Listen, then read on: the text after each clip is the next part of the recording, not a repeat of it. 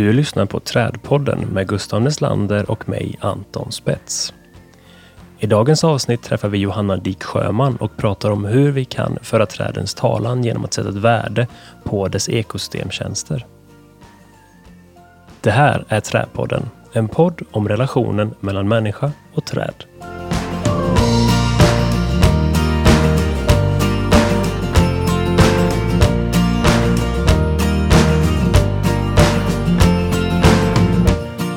Hallå Gustav! Hallå Anton! Tjena! Tjenare! Hur står det till? Ja, fredag. Det är helt okej. Ja, Ja. sommaren tittar fram också. ja, ja. Vi har, jag har haft grillkväll och jag har fortfarande shorts på mig. Ja. Mm. Det är helt rätt. Jag får bara, få, bara få gå runt och vattna i Birkenstock va? Ja, precis. Utan strumpor. Jag har gjort exakt samma sak idag. Där har vi en sak som vi har gemensamt. Gå runt och vattna i Birkenstock på kvällen. Det är trevligt. Ja. Hur är Skillnaden det? är att du, du, blir, du blir killad i knävecken av ditt gräs och jag liksom känner inte en, det är bara mjukt under mina fötter. Ja, men jag har faktiskt funderat på att ta fram lien. Vi har faktiskt en Ja. lie. Ska, ska, ska börja. Jag har en väldigt liten trädgård, men jag tänker om jag slår den så får jag långa grässtrån, lätt Mm. att lägga under träden och mulcha med. Liksom. Ja, så det, det är faktiskt min plan. Lieputs är ju något speciellt alltså. Ja, verkligen. Hur är det själv då? Det är bra. Jag har, eh, jag har planterat lite sen sist. Jag köpte en magnolia häromdagen. Mm. En spontanare. Den kommer nog kanske inte överleva om det blir jättekallt, men jag måste prova. Jag har planterat en... eh, Ja, jag, jag, jag blev lite inspirerad av eh, Caroline Larsson. Så jag har planterat en eh, jasmintry, Heptacodium Mm. myconoides. Mm. Trevligt. Bra pris hos plantskolan, så jag slog till. Ja, det är inte mer än rätt. Nej, precis. Du, har du landat efter din eh, totala eh, succé med din trädskådning? Det kan ju framstå som en succé när alla tidningar vill skriva om det. Så det, eh, på så sätt var det väl det. Ehm, ja. Det var skitkul. Eh, kom ju, det var ju fullsatt och eh, massvis med framförallt glada pensionärer, men inte bara det. Eh, som var jätteintresserade. Och, eh, ja, jag var så imponerad. Och jag hade väl ändå trodde att det skulle vara folk med lite så här förkunskaper och att man skulle känna sig lite så här... Ja, ehm, Nu ska vi se vad han går för. Ja, men lite så. Men ehm, till min... till min glädje då, så var det folk helt utan förkunskaper. Så jag kunde eh, få känna att jag kunde glänsa lite där. nej, men, nej, men och det är ju det som är det roliga. Det är ju det som är målet. Jag vill ju få ut folk utan förkunskaper och få folk utan förkunskaper att börja intressera sig för träd. Så det, det var väldigt lyckat. Jag har lagt upp Eh, tre till tillfällen nu. De är också slutsålda, så jag måste nog fortsätta fylla på. Vi får se. Det blir nog eh, Wow. hela sommaren här, eh, förutom semestern. Ja, vad roligt. Ja, Kul. Jätteroligt, verkligen.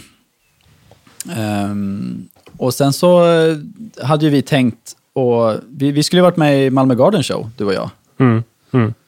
Men den, Det skulle vi. de ställde in. Ja, skit. Ja, skit också.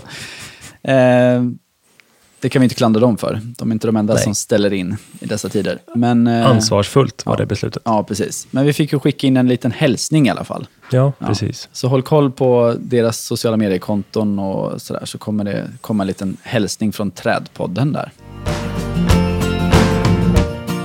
Trädpodden vill tacka vår sponsor Mareld Landskapsarkitekter. Nordens främsta landskapsarkitektkontor och förstahandsval för kunder med högsta ambition vad gäller gestaltad livsmiljö. Är du nyfiken på Marelds många olika tjänster och projekt? Gå in på mareldlandskap.se. Tack Mareld Landskapsarkitekter. Utan ert stöd hade vi inte kunnat göra den här podden.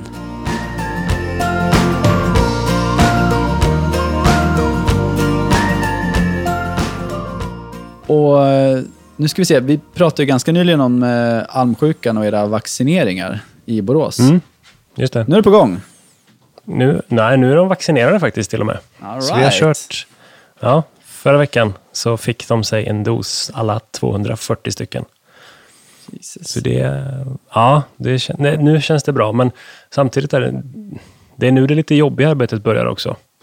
Vad För nu kan då? liksom inte vi, vi kan liksom inte sitta och chilla med våran så att säga vanliga skötsel, utan så fort vi går på en alm som inte är vaccinerad och som vi kan ser ett tecken på att han är sjuk så måste vi ut och jobba direkt. Mm. Vad gör man då? Då? att, är det såga ner liksom? Såga ner och sen är det ju smittan sitter ju i, alltså i kambiumet, i barken. Mm. Så det måste ju bort. Det är inget fel på veden. Nej. Så kan du barka dem snabbt och lätt och föra bort det där. Du kan ju liksom göra någonting bra med veden då. Alm är ju väldigt fint att snickra i. Och det är fint att Eh. låta eh, högstubbar stå kvar, eller vad kallar man det? Eh, lik? Ja, vad säger Ja. man? ja, men, ja så, så långt har det inte gått någonting än, så vi har inte så dåliga träd stående. Mm. Nej. Utan det ser ju snarare ut som att det är alm som fått jättemycket torkstress. Mm. Ehm, nej, almlik, då har det ju nästan alltid gått en säsong minst, om inte mer till och med. Mm. Så, att, eh, så går man på det så är det ner med det och så ser jag även till att klippa bort all sly också. Eh, och så sen fräs stubben då och så bort med det. Och det är inte så att i de där stadsnära skogarna, det är inte så att de står sådär superlättillgängligt till. Så det, det är ett jobb som vi måste göra nu under många år framöver, så länge vi fortsätter att vaccinera. Men eh, home safe för detta året i alla fall, med det vi ville skydda. Vart hämtar ni liksom erfarenheter ifrån? Det här är ju nytt för er. Vad, tittar ni på några, hur några andra städer har gjort och sådär? Och... Mm. Vi har tittat ganska mycket på Gotland, hur de har gjort. Eh, nu har ju de inte längre fått ha kvar sitt stöd, tyvärr. Right. Eh, från Naturvårdsverket och Länsstyrelsen. Eh, men deras sätt att jobba har vi tittat på. Sen har de jobbat, som jag har förstått det, betydligt, över betydligt större ytor än vad vi gör. De har försökt att främja större delen av Gotland, med fokus på Visby. Då. Eh, vi har också tagit iTree till hjälp eh, för att värdera, mäta in och värdera de träden vi har. Och på så vis också föra, jag kommer komma in på det lite sen under dagens intervju, men på så vis sätta ett värde på det vi faktiskt har idag och visa på vikten av att skydda det. Ja, vad intressant. Jag vet, eh, Amsterdam såklart har jag hållit på och vaccinerat väldigt länge. Men eh, Mm. Oslo är väl också ganska Ja, framstående där. Ja, och ehm, det här vaccinet heter ju då Dutch Trig, så det är framtaget i Holland. Mm.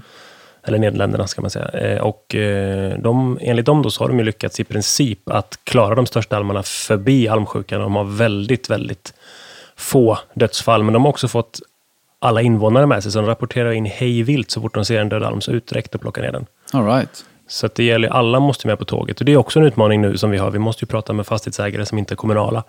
Så om de har något dåligt på sitt så måste de ju plocka det direkt. Ja, just det. Och kyrkogårdarna och... Ja, Kyrkogården är faktiskt med. de är med på tåget. Så de har gjort eh, vaccinering också. Så att, eh, och det är också bra, för i, i Borås så ligger kyrkogårdarna... Man kan nästan säga att det har tillkommit en kyrkogård vart hundrade år i Borås. Från centrum och utåt ur stan. Så det är en väldigt spännande... Man kan se det som en hundraårsring. Liksom. Ehm, och där finns det mycket alm såklart. Men de, de har vaccinerat nu med i samma veva, så det känns bra.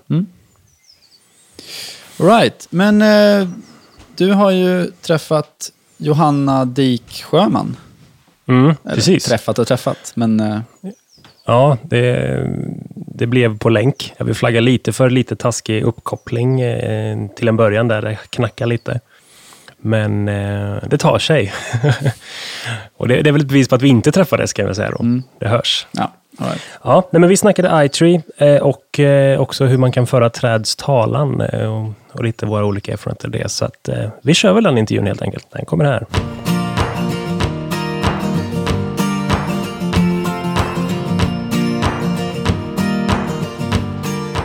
Okej, det har blivit dags för åttonde avsnittet för vårens säsong av Trädpodden 2020 och jag sitter här på länk med Johanna Dik Sjöman, eh, landskapsarkitekt och forskare och postdoktor vid institutionen för landskapsarkitektur, planering och förvaltning vid SLU Alnarp. Hej Johanna! Hej Anton. Hej! Hur står det till? Det är bara bra. Ja, vad gött.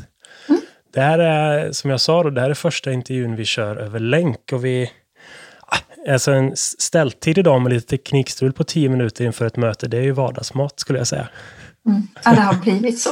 Ja, exakt. Ja. exakt.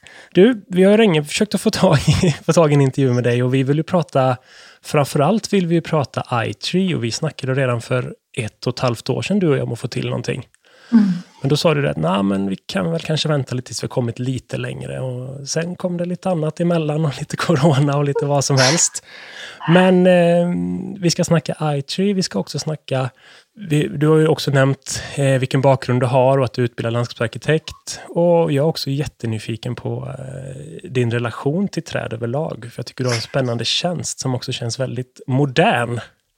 Ja, alltså jag har inte bara jobbat med iTree, jag har jobbat med andra också, eh, vad ska man säga, trädrelaterade projekt mm. som kanske har lite gemensamma nämnare med iTree. Eh, så det kan vi också komma in på. Ja.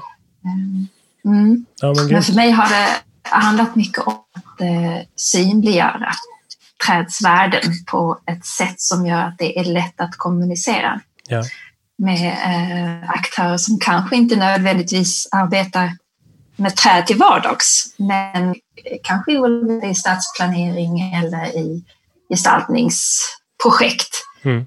eh, där träd kommer ingå. Just det. Just det. Mm. Ja. Men hur, hur börjar allting då? Varför tror du att du har, du har hamnat där du har hamnat? Finns det någon, finns det någon koppling till, till trädminnen från, från när du var barn? Um, det hade varit jätteskönt att säga att, att det är så, men det tror jag inte att det är. men jag har, jag har ju trädbinden från när jag var liten, ja. eh, såklart. Och det enda som jag liksom verkligen utkristalliserar som att jag faktiskt kommer mycket ihåg, det är en, en stor hästkastanj mm. hemma hos min mormor på hennes gård. Där det fanns en gunga fastsurrad Ja. Och jag tycker väldigt mycket om att vara ensam. och det tyckte jag väl som barn. Så att gunga under denna hästkastanj, eh, det är faktiskt ett sånt minne där jag faktiskt, eh, vad ska man säga, bondade med trädet. Man mm. kan säga så, med mm. just det trädet. Som tyvärr inte står kvar längre. Eh, men det är nog mitt sådär riktiga trädminne, eller gediget trädminne från barndomen. Men det är inte så att det är den relationen som har gjort att jag jobbar med träd idag. Nej. Utan det har nog bara eh, blivit så. Jag är landskapsarkitekt och, men har rötter i trädgård, eh, landskapsingenjörs utbildning ligger också lite i min bas och sen slutade jag min utbildning med fysisk planering så det har varit väldigt många olika skalor på en och samma gång. Mm. Ehm, och det är väl de här processerna som, som inträffar i landskapet där människan är en viktig del som um, faktiskt engagerar mig kring mm. varför jag jobbar med det jag jobbar idag. Och för mig så är träden, de blir de blir lite grann av någonting jag kan använda mig av för att kunna visa på att, att eh, till exempel att städer och de urbana landskapen som de flesta av oss bor i idag, att de faktiskt är ett ekosystem. Det är väl det jag, jag, jag brinner för mest, att kunna förstå hur vi faktiskt är en del av ekosystemet. Och där så är träd väldigt behjälpligt att använda. Mm. Eh, just kunna visa på vilken roll de spelar och vår relation till träden, vad träden kan göra för oss men också vad vi gör för träden, eller bör göra för träden för att det ska fungera som en helhet. Så det, det är väl hela den här processen där människan ingår men också även andra grannmiljöer som, som lockar mig eller driver mig. Mm, mm. Mm. Var det också det som gjorde, alltså, hur, hur hur såg steget ut från den här hästkastanjen i barndomen och sen, du nämnde att du hade en koppling eh, kring trädgård, men du har inte studerat i Sverige? Nej, jag, eh, jag ville flytta till England. Det var nog det som var eh, mitt kall när jag var tonåring. Det var någonting som drog mig till England. Så jag hamnade ute på engelska landsbygden. Eh, och jag ville jobba med, med konst och, och, design. Jag sökte faktiskt till en textildesignutbildning också. Eh, så det var faktiskt bara slump. Alltså ett sånt där fönster som öppnades att jag blev antagen till en trädgårdsdesignskola i, i Kent, mm. ute på vischan, precis som midsommarmorden. Det skulle kunna vara rakt av, jätteidylliskt. um, och sen fick jag upp ögonen för um, dels trädgård såklart, men också för vad som händer inne i städerna. och landskapsarkitekturen på större skala. Eh, och hur vi kan planera.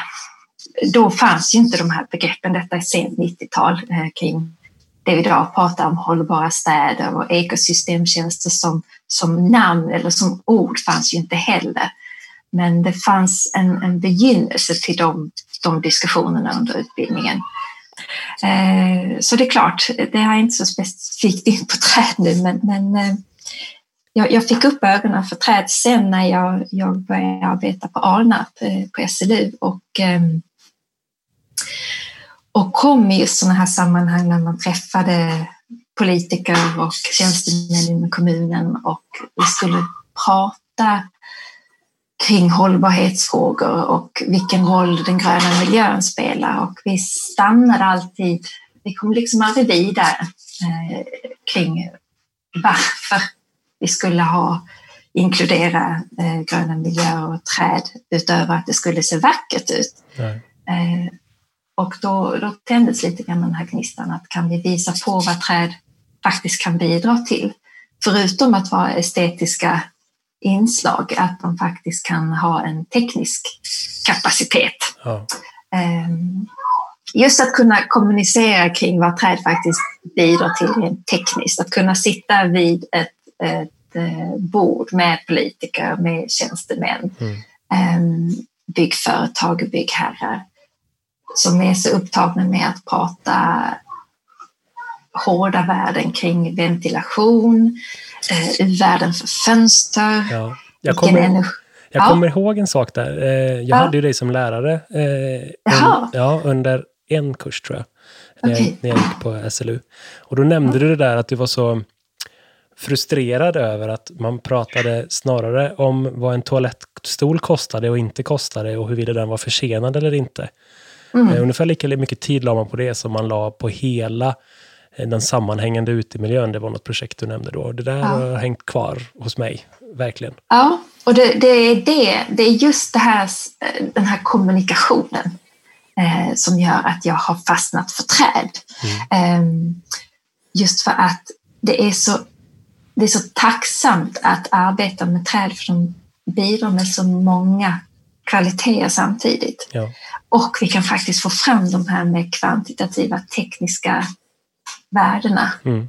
som helt plötsligt kan få att man kan dra paralleller till just hur mycket det kostar att köpa en vägghängd toalett till exempel, eller eh, ja. vitvaror eller u-värden på fönster och så. Ja. I mitt yrke ibland så blir jag någon form av tolk, alltså man, man för de, de tysta trädens talan. Alla är väldigt överens om att vi behöver träd. Mm. Men vi behöver hitta ett sätt att omformulera och mäta trädens värde till ett språk som alla förstår. Då blir det kanske ganska ofta eh, det monetära språket. Alltså vad, vad kostar det i slutändan?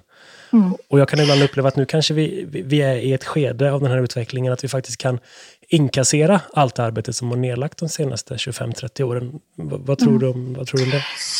Ja, jag tänker så här att det du säger, eh, språka för, för träden och de värden och kvaliteter som vi, vi vill eh, kommunicera och lyfta fram.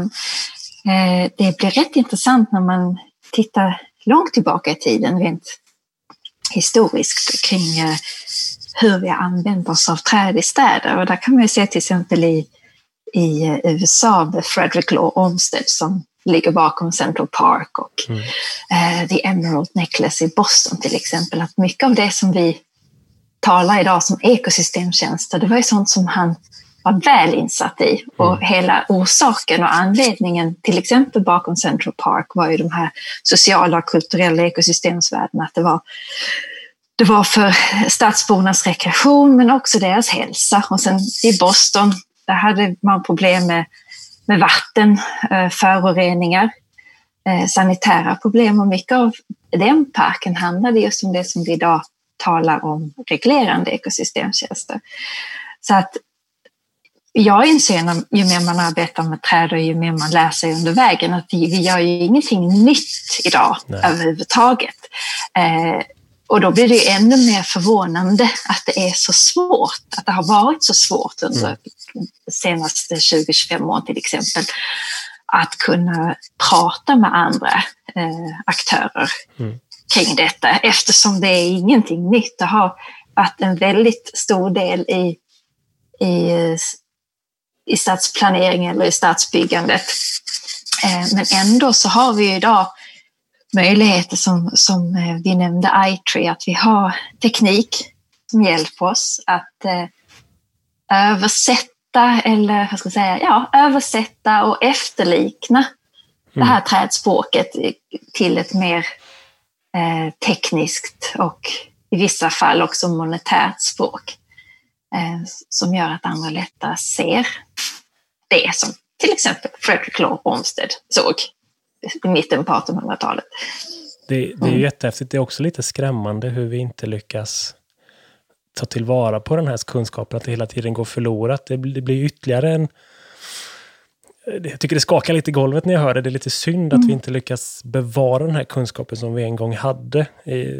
Jag talar ibland om att det tror jag är den största förlusten med urbanisering, att vi, vi glömmer vår relation till naturen och, och förståelse för densamma. Bara den att leva, le, leva ett vardagligt liv där du får en, en säsong att förhålla dig till.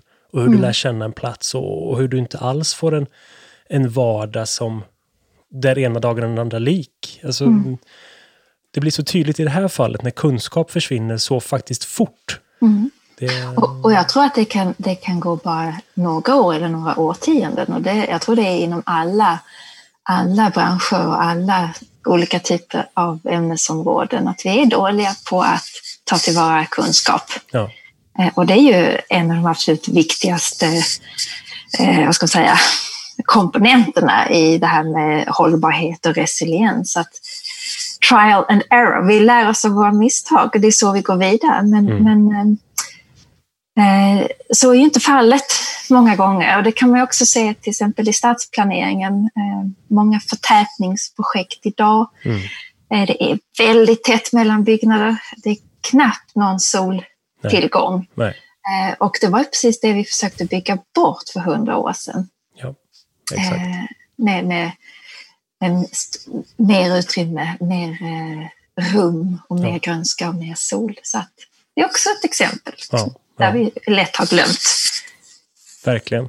Du har mm. nämnt iTree några gånger. Eh, för mm. den som inte är insatt, hur, hur skulle du på enkla sätt vilja förklara iTree? För det är faktiskt så att det är genom iTree som du och jag lärde känna varandra också lite. Jag nämnde mm. att jag hade dig som lärare för många år sedan. Men eh, iTree-projektet som har pågått i snart fyra år nu, v vad är det? Mm.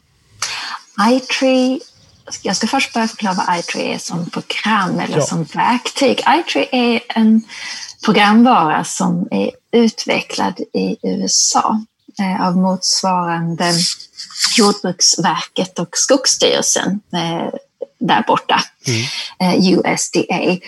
Och det är forskare som i 20 år aktivt har tagit sin forskning kring träd. Eh, det kan ha varit hur mycket föroreningar olika träd tar hand om och hur mycket dagvatten, regnvatten som samlas i trädkronorna.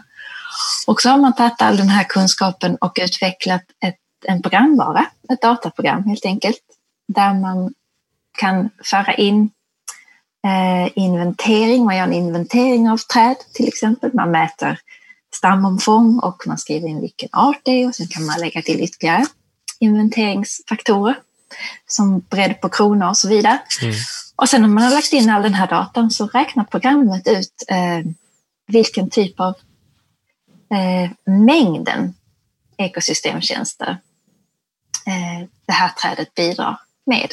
Ja. Och det är ju inte alla sorters ekosystemtjänster eh, utan det är först och främst eh, några som går eh, under det här med reglerande ekosystemtjänster, det vill säga att det, det är hur mycket luftföroreningar som eh, träden tar hand om och hur mycket regnvatten som fångas upp i trädkronorna och hur mycket kol som eh, finns inlagrat i trädet och hur mycket kol det tar upp mm. årligen. Men sen kan man också använda det både för det individuella trädet men man kan också göra de här mätningarna för större trädpopulationer och då kan man få fram strukturella värden. Man kan se en artfördelning, en åldersfördelning och eh, ja, räkna ut lite annat utifrån det. Mm. Så det är iTree kort och gott. Det finns i olika, olika sorters iTree. Det finns för gatumiljö specifikt och det finns för hydrologiska beräkningar om man vill titta på större avrinningsområden. Men sen finns det också något som heter iTree Echo och det är det som du är bekant med och jag via mm. iTree Sverige. Eh, där man tittar på de större trädpopulationerna i, i våra stadslandskap. Och har vi kommit fram till något resultat? Finns det någonting som ja, du skulle alltså, kunna koka så... ner lite grann? ja, det här har varit jättesvårt för vi har så mycket resultat. Mm. Och vi har sådana ofantligt höga siffror, för det är det här det här ska gå ut på. Det ska handla om att ta fram siffror och tydliga kvantitativa värden. Och det kan ibland bli väldigt otydligt om jag säger 425 338 ton. Mm. Vad är det? Alltså, och då måste man igen omvandla det till någonting som blir begripbart, till exempel eh, hur mycket det skulle representera i ett årligt koldioxidutsläpp. Hur många bilar skulle det vara till exempel? Eller hur många brandbilar som rymmer 3000 liter vatten vardera, hur många brandbilar blir det? Alltså det, siffror kan igen föda ny problematik hur mm. det här blir tydligt när det är så stora belopp. Ja. Så att hitta ett specifikt utstickande resultat från det här är väldigt, väldigt svårt. Man kan säga att ehm, eh, vi har ofantligt stora gröna resurser i våra svenska städer idag. Mm. Eh, och eh, resultat som kanske har, jag har tyckt är intressant utan att kanske nämna någon specifik stad, det är att inom, inom ett eh, stadslandskap, alltså hela den trädpopulationen som finns i, i en stad till exempel, att även om du kan ha, ha många av en och samma art så är det inte så att kanske just den arten är överlägsen i att leverera ekosystemtjänster. Eh, till exempel så var det en stad som hade eh, svart, en svart, alltså arten, trädarten svartpoppel hade under en procent. Alltså mm. den förekommer under 1 procent i, i, eh, i fördelningen av trädarter. Men sen när det kom till svartpoppens förmåga att leverera ekosystemtjänster så översteg den många av de andra arterna som det faktiskt fanns fler av. Ja. Så det tyckte jag är spännande att man kan se med hjälp av iTree eh, att de olika trädarterna faktiskt framträder. Att ibland är det inte mängden träd som är viktigt utan det är vad det är för typ av träd, vilken trädart det är. Mm. Och så.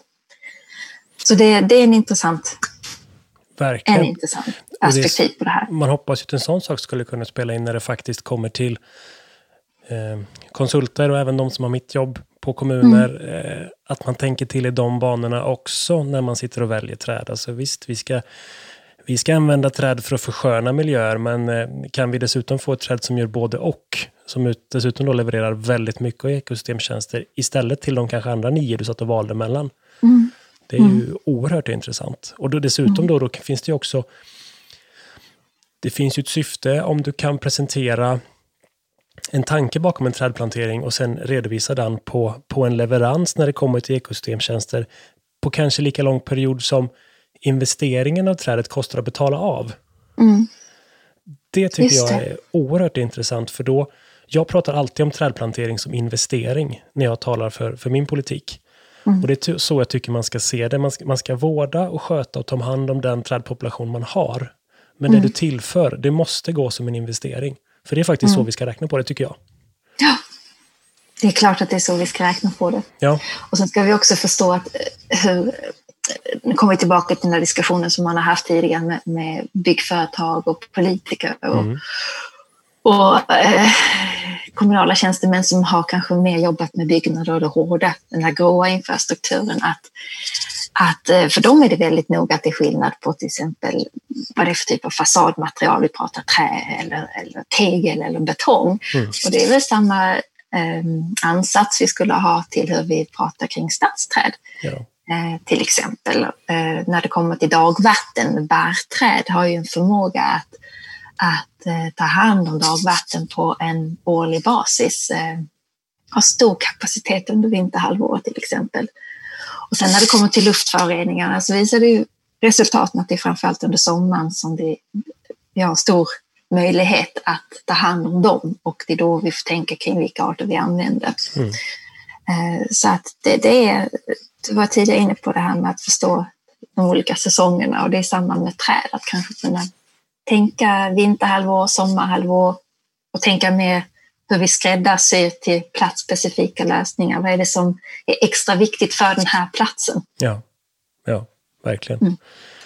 Um, en annan reflektion som vi också diskuterat i den här, om man får kalla det i3-gruppen, vi som varit eh, mm. engagerade.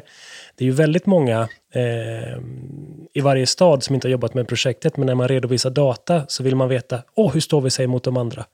Är vi bäst? Är vi sämst? Mm. Och jag tycker inte att det är det mest intressanta. Jag tror de häftigaste resultaten den kommer vi få när vi gör den återkommande inventeringen av de ytorna vi gjorde då under mm. den här perioden. Hur har vi kunnat utveckla vår egen stad utifrån den här datan vi har? Mm. Och sen blir det väl intressant att se hur de andra städerna lyckats förvalta ingångsvärdet. Jag tror du har en jättebra poäng där. Ja. Absolut, jag håller med dig till punkt och pricka. Dels går det inte riktigt alls att jämföra städerna i det här projektet för att man har man har valt att kanske inventera, alltså hur definierar vi vår stad? Det var ju mm. många kommuner som hade lite olika sätt att bestämma sig för var slutar staden någonstans? Ja. Var börjar landsbygden? Var är min tätort? En del kommuner tog med eh, omkringliggande eh, periurbana områden. Eh, en del kommuner fick med mycket skogsmark, mm. andra fick med villaområden. En del kommuner valde att inte ta med det periurbana utan huset i stadskärnan. Då får man ju såklart fram ett helt annat resultat. Ja. Så att det är en av anledningarna till att jag helst inte ser att vi jämför städerna i projektet för att vi har definierat våra städer utifrån olika parametrar. Mm. Mm.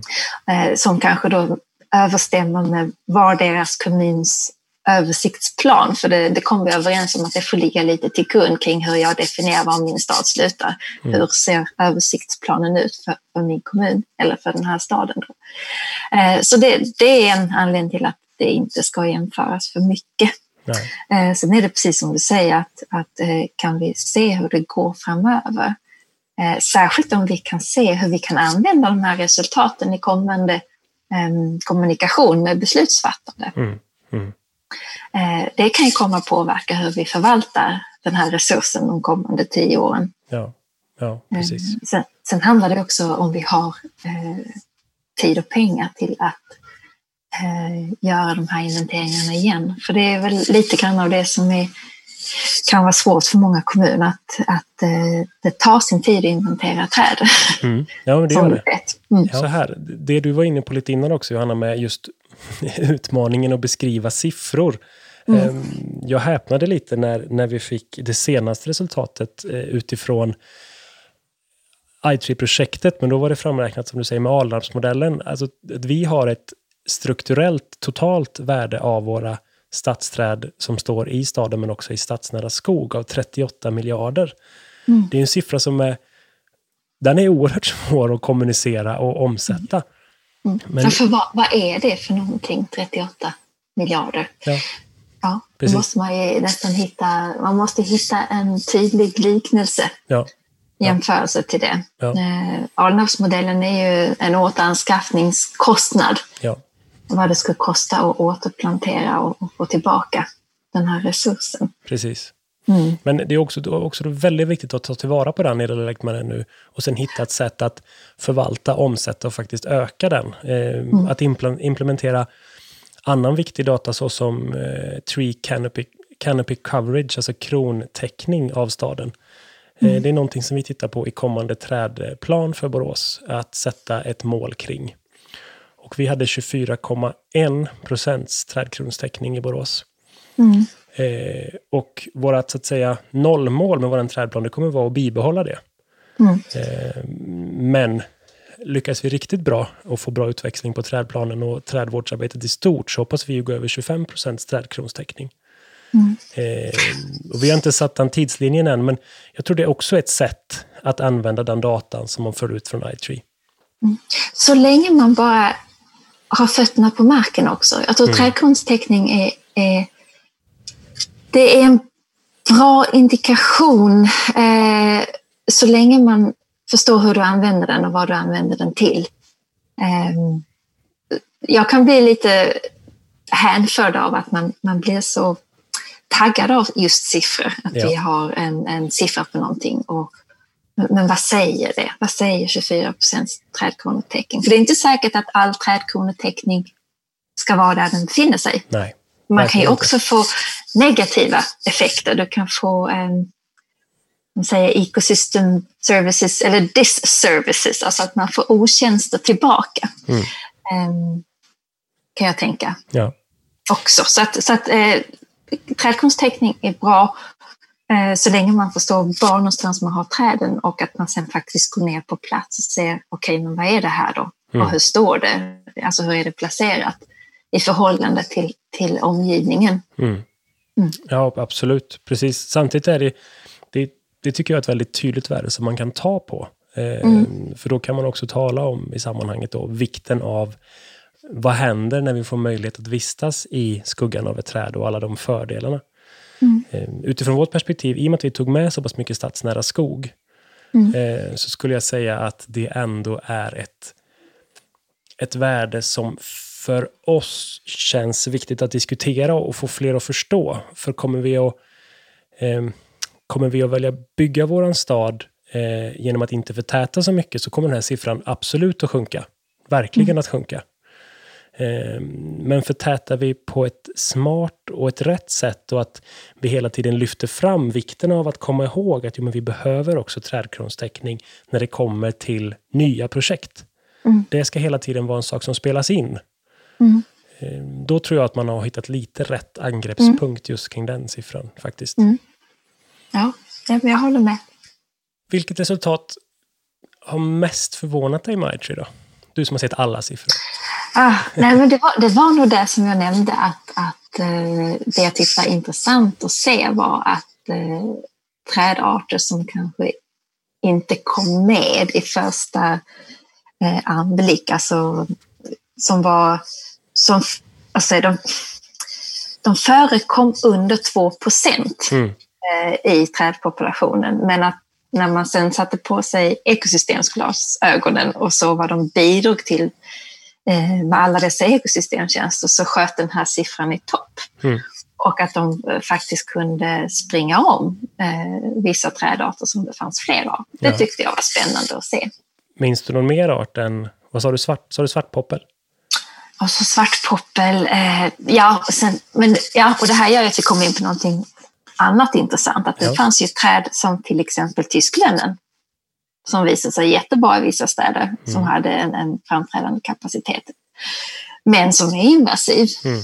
invasiv art. Um, så att, eh, och det var samma med, med, björk, skriver vi också i rapporten sen, att det, björk kan framstå som väldigt, um, enligt programmet, en, en, en framträdande trädart för ekosystemtjänster. Men blir det en varm, torr sommar så är ju björken det träd som faktiskt fäller sina blad först, mm. de gula. Mm. Och då har vi inga ekosystemtjänster eftersom de flesta ekosystem, eller vad ska man säga, ekosystemtjänster hänger mycket på en stor välmående trädkrona.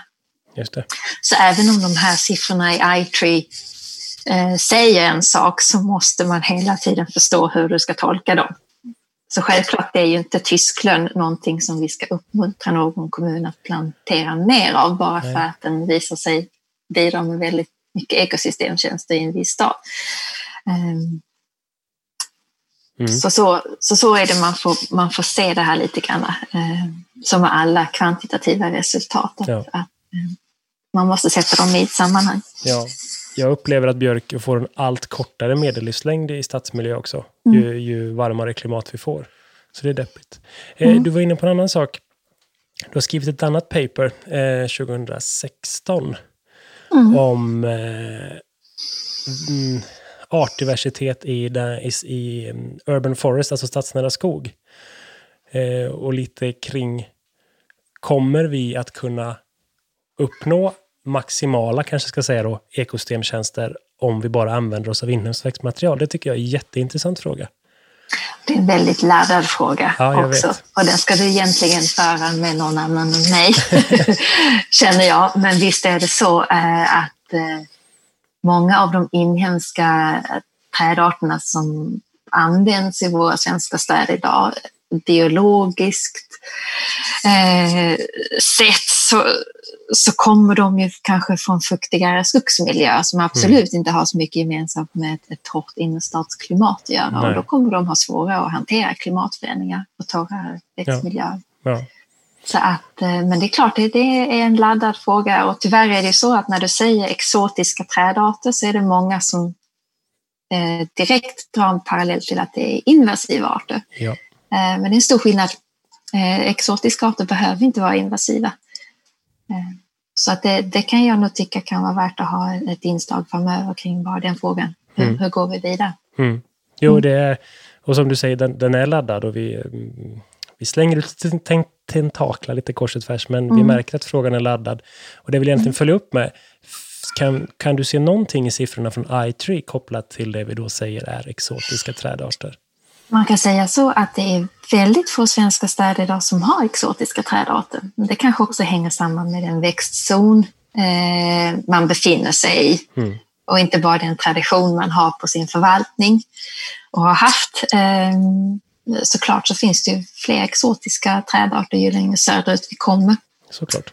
Eh, och Malmö har ju, det går inte att sticka under stol med att de har varit väldigt eh, progressiva. Mm och har en väldigt stor spridning på olika trädarter. Mm. Och det är klart att då, ju större diversitet, desto större resiliens får du. Ja. Inte bara kring klimatförändringar, men du, det här med biologisk mångfald, det är också så här jätteladdat, vågar jag säga detta? men det finns ju många forskningsstudier som visar på att du kan inte säga att exotiska trädarter inte bidrar till en biologisk mångfald, att de inte kan gynna eh, insekter och fåglar till exempel. Så att, eh, mm. Mm. Den diskussionen ska lyftas, helt Ja. klart. Men, Ja. men eh, att bara förlita sig på inhemska trädarter i stadsmiljö, det, det blir väldigt riskabelt tror jag, eh, om vi nu ska tänka långsiktigt Mm. eh, till nästa generationer. Ja. ja, superintressant fråga. Vi ska absolut ställa den till fler personer, verkligen. Mm. Ehm, just, vi nämnde, eller jag nämnde, du sa att det är en bra tanke och vi nämnde exotiska trädarter. Vad tror du att arbetet kring iTree, alltså projektet, vad skulle kunna bli nästa steg kring det? Vad, tycker du att någon ska plocka upp bollen och eh, föra vidare nu när, när ni snart går i mål? Nej, men det jag tycker är väl lite så som du var inne på, att det bör kanske inte vara slut nu. Det här blir ju faktiskt först intressant om vi kan eh, återkoppla detta Mm. eh, några år längre fram. Så att det inte bara blir den här punktinsatsen, för att den säger någonting om nuläget, de här resultaten. Men, men allting utvecklas och går vidare och eh, det kanske inte kommer vara så användbart om fem, tio år, utan då måste vi ha, ha en, en ny data. Mm. Och då ger det också lite grann en indikation kring eh, hur vi tar hand om den här resursen, Ja. som du sa. Hur Ja. har vi förvaltat den? Så det hoppas jag. Och sen hoppas jag också att vi kan föra det här samtalet vidare, hur vi hanterar siffror och kvantifiering av, av träd. För att det handlar ju också om vi använder oss av siffror och vi kvantifierar någonting på ett naturvetenskapligt sätt. Det vill säga att vi har en naturvetenskaplig ansats i iTree, det vill säga att vi, vi, vi mäter och vi får fram eh, kvantitativa resultat och skulle vi göra om det igen så skulle vi kanske få någon liknande eh, eh, utkomma av det hela. Men samtidigt så befinner vi oss i väldigt samhällsvetenskapliga sammanhang. Vi, vi finns i, eh, träden finns i, i ett samhällsvetenskapligt kontext, om du Mm. förstår vad jag menar. Ja, det är andra faktorer som faktiskt påverkar träden och hur de levererar och vilka ekosystemtjänster vi får. Ja, Och hur träden mår, Ja. framför allt. Ehm, och eh, det är viktigt att ha med sig att vi använder en naturvetenskaplig metod, men vi befinner oss i själva verket i ett starkt samhällsvetenskapligt sammanhang. Och hur vi tolkar de här siffrorna hänger på så mycket annat som faktiskt inte kommer med i iTree, till exempel. Mm. Till exempel så kommer inte eh, byggnadsmaterialen med. Det rumsliga kommer inte riktigt med, alltså hur höga byggnaderna är och eh, vad det är för typ av eh, människor som bor i närheten. Mm. Eh, och alla de här sociala och kulturella aspekterna kommer inte med. Mm. Det är ju jätteavgörande för hur det här ska fungera som helhet. Så att eh, det hoppas jag att det här eh, projektet eh, kan ha en spin-off på. Ja. Hur vi hanterar den här tydliga kvantifieringen på ett samhällsvetenskapligt plan. Ja. Ja, jätteintressant. Vi har också använt iTree på ett annat sätt. Ehm, vi håller på att jobba fram ett program för att eh, vaccinera och bevara våra almar i Borås. Vi har ett väldigt stort almbestånd kvar. Mm. Nu konstaterade vi almsjukan i, i närheten av centrum förra året och nu faktiskt inne i stadskärnan eh, i år. Mm. Eh, men där mätte vi in de 240 stycken almar som vi vill skydda och plockade ut ett, ett värde på det och ställde det emot det vi talade om innan, då, att se träd som investering. Och eh, eh, hälften av kostnaden för att vaccinera, hälften av den eh, kunde vi så att säga tjäna in eh, på ett års tid kopplat till ekosystemtjänster och det tycker jag är ganska intressant. Det är väldigt intressant. Mm. Mm. vi får se hur det här faller ut. Jag tror vi förhoppningsvis lyckas vi rädda, rädda några i alla fall. Eh, om mm. den här vaccineringen. Vad har ni för, för långsiktiga planer för almarna? I och med att vårt Sikt bestånd... att ersätta dem eller ja, hur? I och med att vårt bestånd är så pass friskt fortsatt mm. och almen står dels på... Vi har ganska många och långa friska almalléer eh, som vi är oerhört rädda om. Eh, men också att de finns som solitärer och då i framförallt i en kulturmiljö, vilket gör att det blir väldigt svårt att ersätta dem också, för de är, de är planterade där av ett syfte eh, och det var att stoppa de stora stadsbränderna som härjade i Borås på sent 1700-tal. Och då var det almen man just använde. Så att samspelet mm. som finns då mellan de fåtalet träbyggnader som finns kvar och de nu då ifrån väldigt stora skogsalmarna är ju jätteintressant och berättar mm. en kulturell historia. Eh, som vi faktiskt är skyldiga att försöka bevara. Eh, så vi, ska, vi ska jobba med vaccinationen här nu eh, i ett antal år framöver och se hur pass väl vi lyckas med den. Mm. Och, och, göra en utvärdering och sen kunna sätta ett lite, än mer långsiktigt mål. Så det låter ju helt, helt fantastiskt. Ja, Innovativt väldigt, väldigt bra. Vi får se om vi, om vi lyckas med det. Det är spännande. Jag hoppas det. Ja, ja. Mm. En fråga som vi ställer till alla personer vi intervjuar är vi har en spaning. Är man trädintresserad så vill man också se träd på andra platser. Eh, nu är ju resa lite svårt, ja. men eh, har du något tips på trädmiljöer man inte får missa? Eh, eller tycker du att man ska, finns det någon resa man borde göra någon gång i livet? Liksom?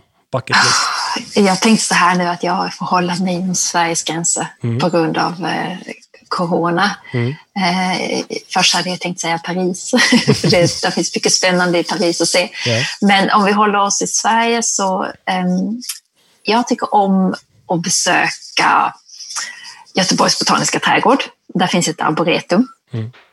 Eh, och så tycker jag om att besöka eh, Espröds eh, arboretum i Kivik. Det är en väldigt inspirerande miljö, lite magisk. Mm. Det, det, är mina så som jag kommer på ja. eh, resmål jag kan tipsa om.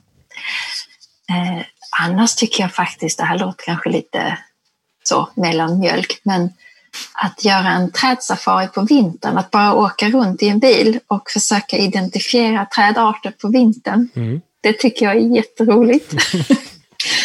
det, det tycker jag att ska man försöka göra om man har en lång bilresa under vinterhalvåret när allting är avlövat. Ja.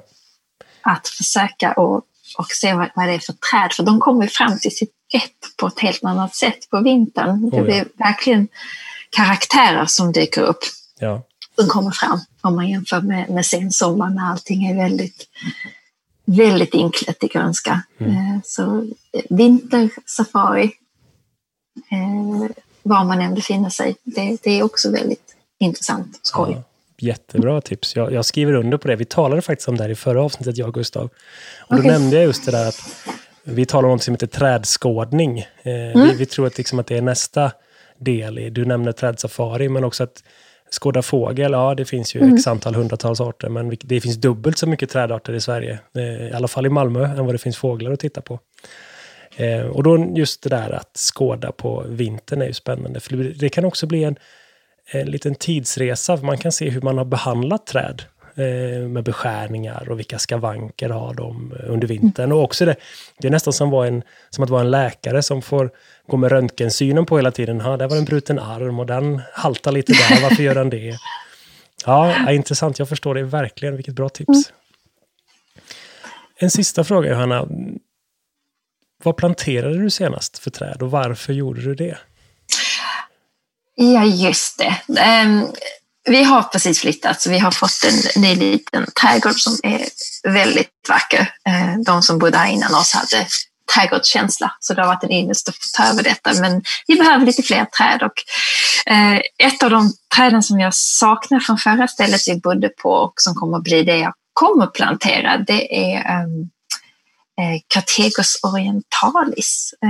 Det är så mycket som uddhaktorn eh, på svenska. Eh, det, jag saknar det trädet. Det är ett haktornsträd med stora frukter och fantastisk blågrön eh, bladutspring. Ja. Så att det, det, blir ett sådant. Fantastiskt. Mm. Tack så jättemycket, Anna. Jättekul ja. att prata med dig. Nu är det barn i båda ändar här, så nu får vi ja. tacka så mycket för idag. Ha det så jättebra. Detsamma. Tack.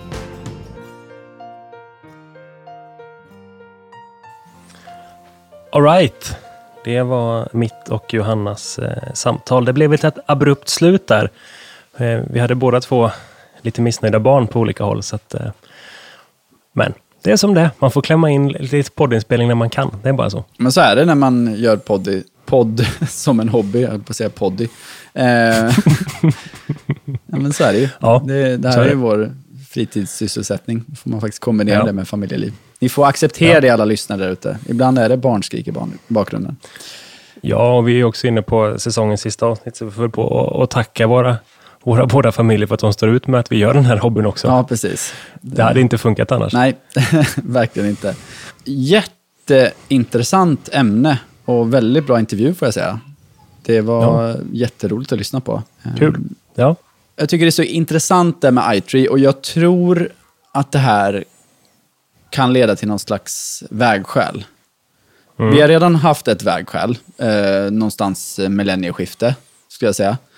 Mm. Eh, där man liksom börjar prata mer om ekosystemtjänster, där eh, man inte bara ser träd som eh, estetiskt värde eh, och eh, ja, där man försöker jobba mer med naturbaserade lösningar. Mm. Eh, så vi som jobbar i branschen, vi har kunnat detta länge. Men det vägskälet som vi kommer se nu, tror jag, mm. är att nu kan vi sätta liksom, siffror på det här och vi kan förmedla de här värdena, ekosystemtjänsterna, till beslutsfattare. Mm. Och det kommer märkas. Alltså de kommer äntligen mm. fatta värdet av träden i städerna. Och, och det, det, kommer verkligen märkas. Eh, det är jag övertygad ja, ja, för, för jag tror också så här att det är ju inte i... Det är ju inte våran bransch, om man ska säga så, som, som till fullo styr stadsutvecklingen på något sätt. Det sitter vi inte här och tror. Mm. Och det är inte heller i våran bransch som de stora pengarna finns. Så det är ju därför man behöver så att säga ta budskapet som vi har och förklara de värdena. Men och just den där, den där omvandlingsmodellen har ju inte funnits innan. Nej, precis. Alltså, men, branschen har inte så mycket pengar, men vi levererar ju pengar i, mm. i form av ekosystemtjänster. Eh, mm. Jättemycket. Om fler kan, kan börja använda just det här verktyget i3 och, och har budgetmedel och gör det eh, och också fortsätter att göra det, för det funkar inte bara att göra det här en gång, utan man behöver ha den här inventeringen återkommande. Mm så kommer man kunna följa ekosystemtjänsternas utveckling, alltså tillika då trädens utveckling. Jo, det, det, är ju, det är ju en sak att se hur står vi oss nu, men, men det handlar ju väldigt mycket om att se, okej, okay, nu väljer vi att göra de här åtgärderna. Vi, vi, mm. eh, vi kör vårt eh, thousand tree project eller någonting. Gav mm. det någonting då? Gjorde det en skillnad liksom? Det är ju det, är ju mm. det som är det intressanta. För någon annanstans i stan kanske man väljer att såga ner tusen träd också. Ja. Ehm, det, det, är ju, det är ju ett sätt att motverka och kanske eh, se om man råkar göra greenwash.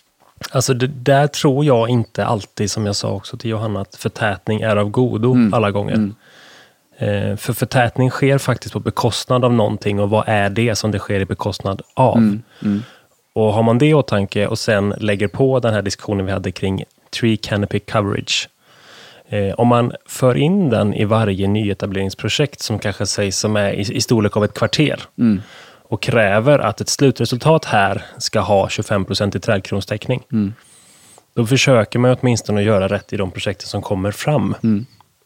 Ja, precis. Och Mm. men det, tror jag är det- mycket vunnet. det är Och jobbar man i andra änden då och skyddar de stora och gamla individerna, då bör man ju nå en ganska lång bit. Ja, men det är ju sant det du säger om förtätning också. Alltså, börjar man karva på en park eller en eh, naturplantering eller en skogsmark någonstans. Så även om, jag jobbar ju med gröna tak till exempel idag. Även om man liksom faktiskt gör ett väldigt intensivt grönt tak med mer eller mindre, mer eller mindre en parkmark på.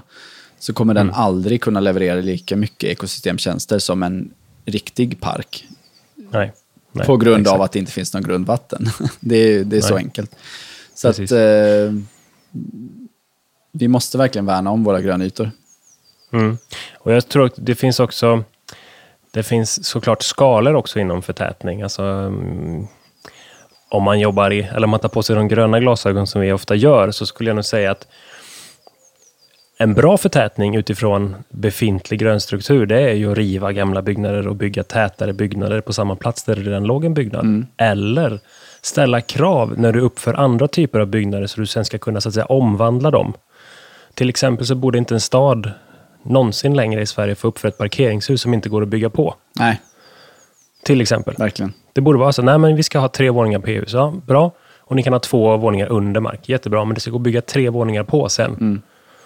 Och du ska kunna, eh, bottenplanet i P-huset som man väldigt ofta talar om när det kommer till stadsutveckling, hur viktigt bottenplanet är att det spelar med ett liv på gatan, det ska gå att göra om till eh, shoppinglokaler eller alltså mm. näringsidkarlokaler. Ja, Nej, helt rätt. Det är en smart typ av förtätning.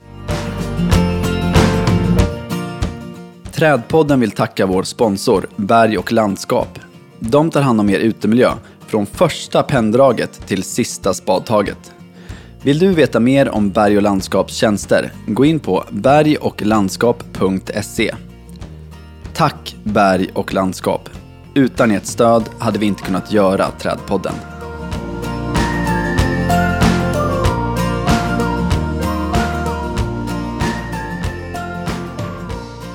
En annan intressant sak som också är en väldigt laddad fråga och det märker vi när vi pratar med många i branschen, det är just hur vi hur vi använder exoter idag och hur vi ska använda exoter imorgon. Eh, och jag skulle jättegärna vilja se fortsatt forskning som just eh, kopplar samman ekosystemtjänster och exoter i stadsmiljö.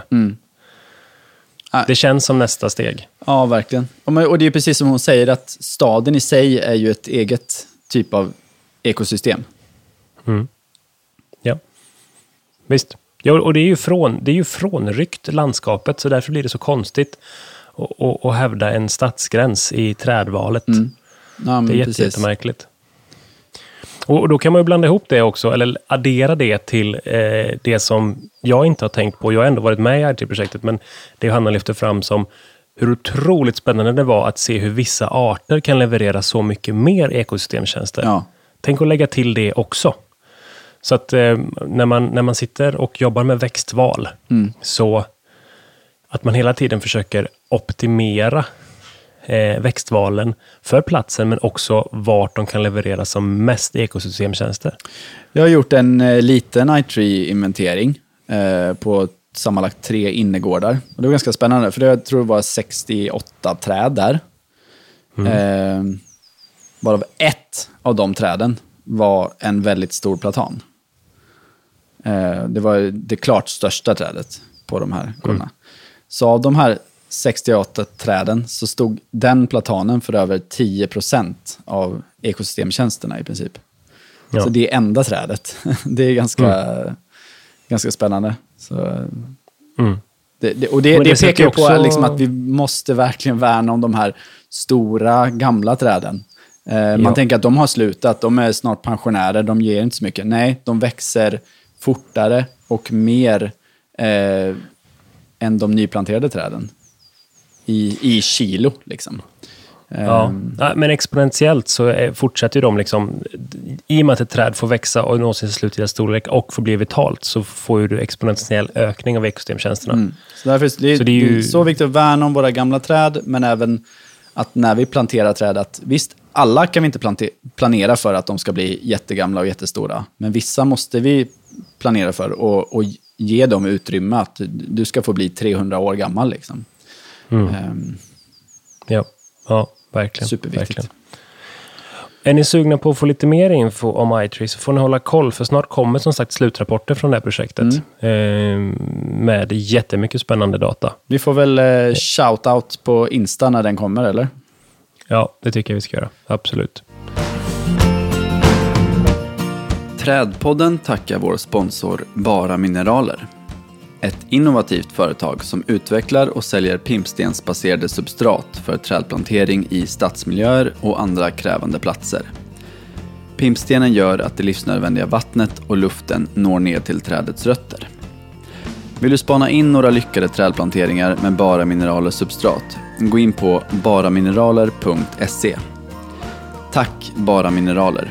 Utan ert stöd hade vi inte kunnat göra Trädpodden.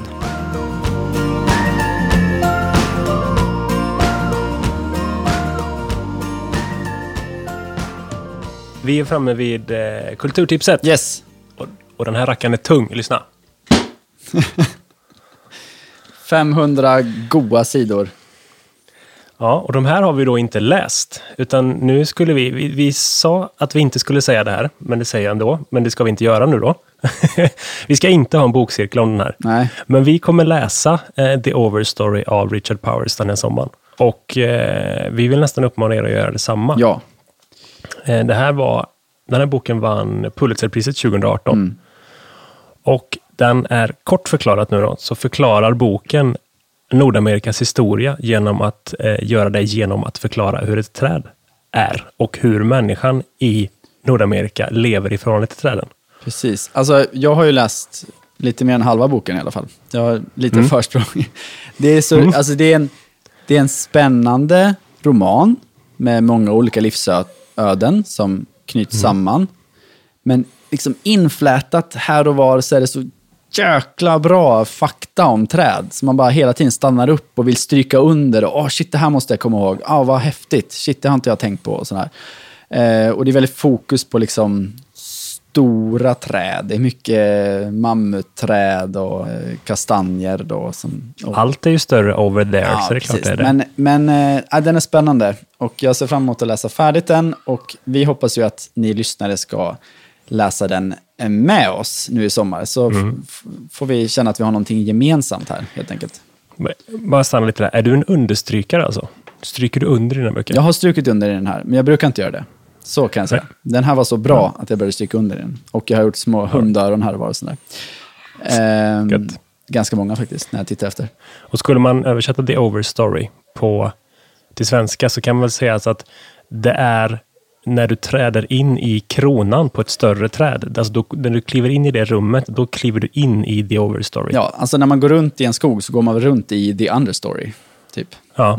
ja.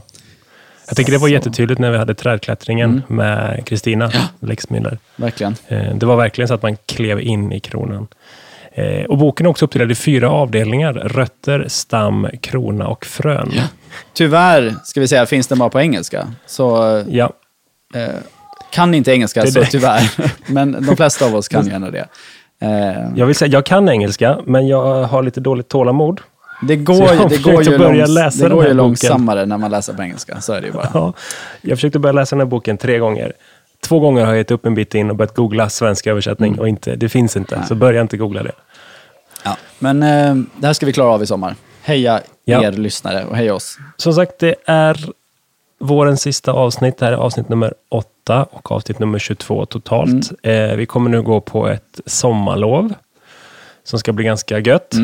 Ladda om, tänka lite nytt. Eh, med tanke på att den här våren blev som den blev så har vi mycket avsnittsidéer som inte blev av Ja, faktiskt. precis. Så det känns ju faktiskt ganska bra. Vi har liksom varit fast i våra hemkommuner i stort sett. Mm. Ja, exakt. exakt. Ehm, Vi ska också säga ett stort tack till Magnus som eh, fortsätter att hjälpa oss att mastra våra, våra avsnitt. Ja, verkligen. Magnus Ågren. Vill ni göra en podd? Kontakta Magnus Ågren på Flow Music. Han är skitbra på att mastra. Och något som jag tror att Magnus tyckte var kul. Eh, han har faktiskt mastrat det kommande avsnittet som vi ändå ska släppa i sommar. Vi har ett skogsbadsavsnitt klart. Ja, det är färdigt. Ja, så jag tolkade Magnus att han var lite halvlyrisk. Han tyckte det var roligt att pilla med det här. Ja. För det är ju faktiskt så att vi har lyckats spela in ett träd från insidan. Mm. Ja, det är riktigt coolt. Så, så det dyker upp här eh, inom kort. Så håll lite koll. Och det där är verkligen en grej som den får er att somna. Ja, men verkligen. Men, och målet är väl att göra några fler skogsbad i sommar på lite Mm. olika eh, platser. Och, ja, men det, jag känner att det de har en stor publik. Det är dels de som bara vill somna, för det gör man ju. Eh, sen har vi de som, som kanske bara vill fokusera en stund och, och behöver lite skogsljud medan man gör det. Ja, Att, eh, precis. Ja, ja, det är väldigt trevligt. Jag gillar det. Och det är kul att spela in Ja. också. Ja. Eh, innan vi helt avslutar och säger hej då, kanske vi ska Mm. slänga ett extra tack till våra sponsorer såklart. Bara Mineraler Berg och landskap. och Mareld Landskapsarkitekter. Stort tack till er. Och sist men verkligen inte minst, stort tack till alla er lyssnare. Det är ju ni som, Ja. som gör podden. Ja. Och får oss att fortsätta också. Det är super, super kul. Ja. Kom ihåg nu, ut, fortsatt njut av det lilla som är kvar av våren, fånga sommaren och se till att börja med trädskådning om ni inte har gjort det. Precis, och använd hashtag. Det är många som har börjat göra det. Hashtag trädskådning. Det är många som gör det, det är jättekul. Eh, jag följer den hela tiden och försöker vara in och kommentera på alla inlägg och sådär. Så det är, jag, jag tror att den, den hashtaggen kan bygga ett community. Det är målet. Oh ja, det kan ni göra. All right, ha en tokigt bra sommar så hörs vi igen till hösten. Ja, det gör vi. Ha det superbra nu allihopa. Ut och njut. Titta upp i kronorna. Yes. Hej då! Hej då!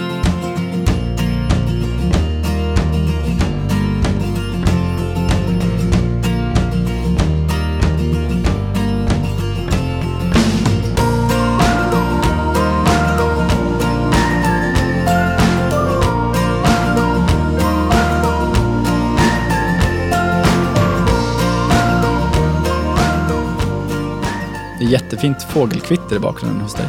Har du öppet fönster? Det är den gamla asken som är precis här utanför. Jätteroligt. Du säger inte vilken fågel det är, utan vilket träd det är, för du är ju ingen jävla fågelskådare. Jag har ingen ornitolog, nej. Det är helt rätt. Ja. Det är som att du hade velat höra vilken fågel det är också. Och du bara, jaha.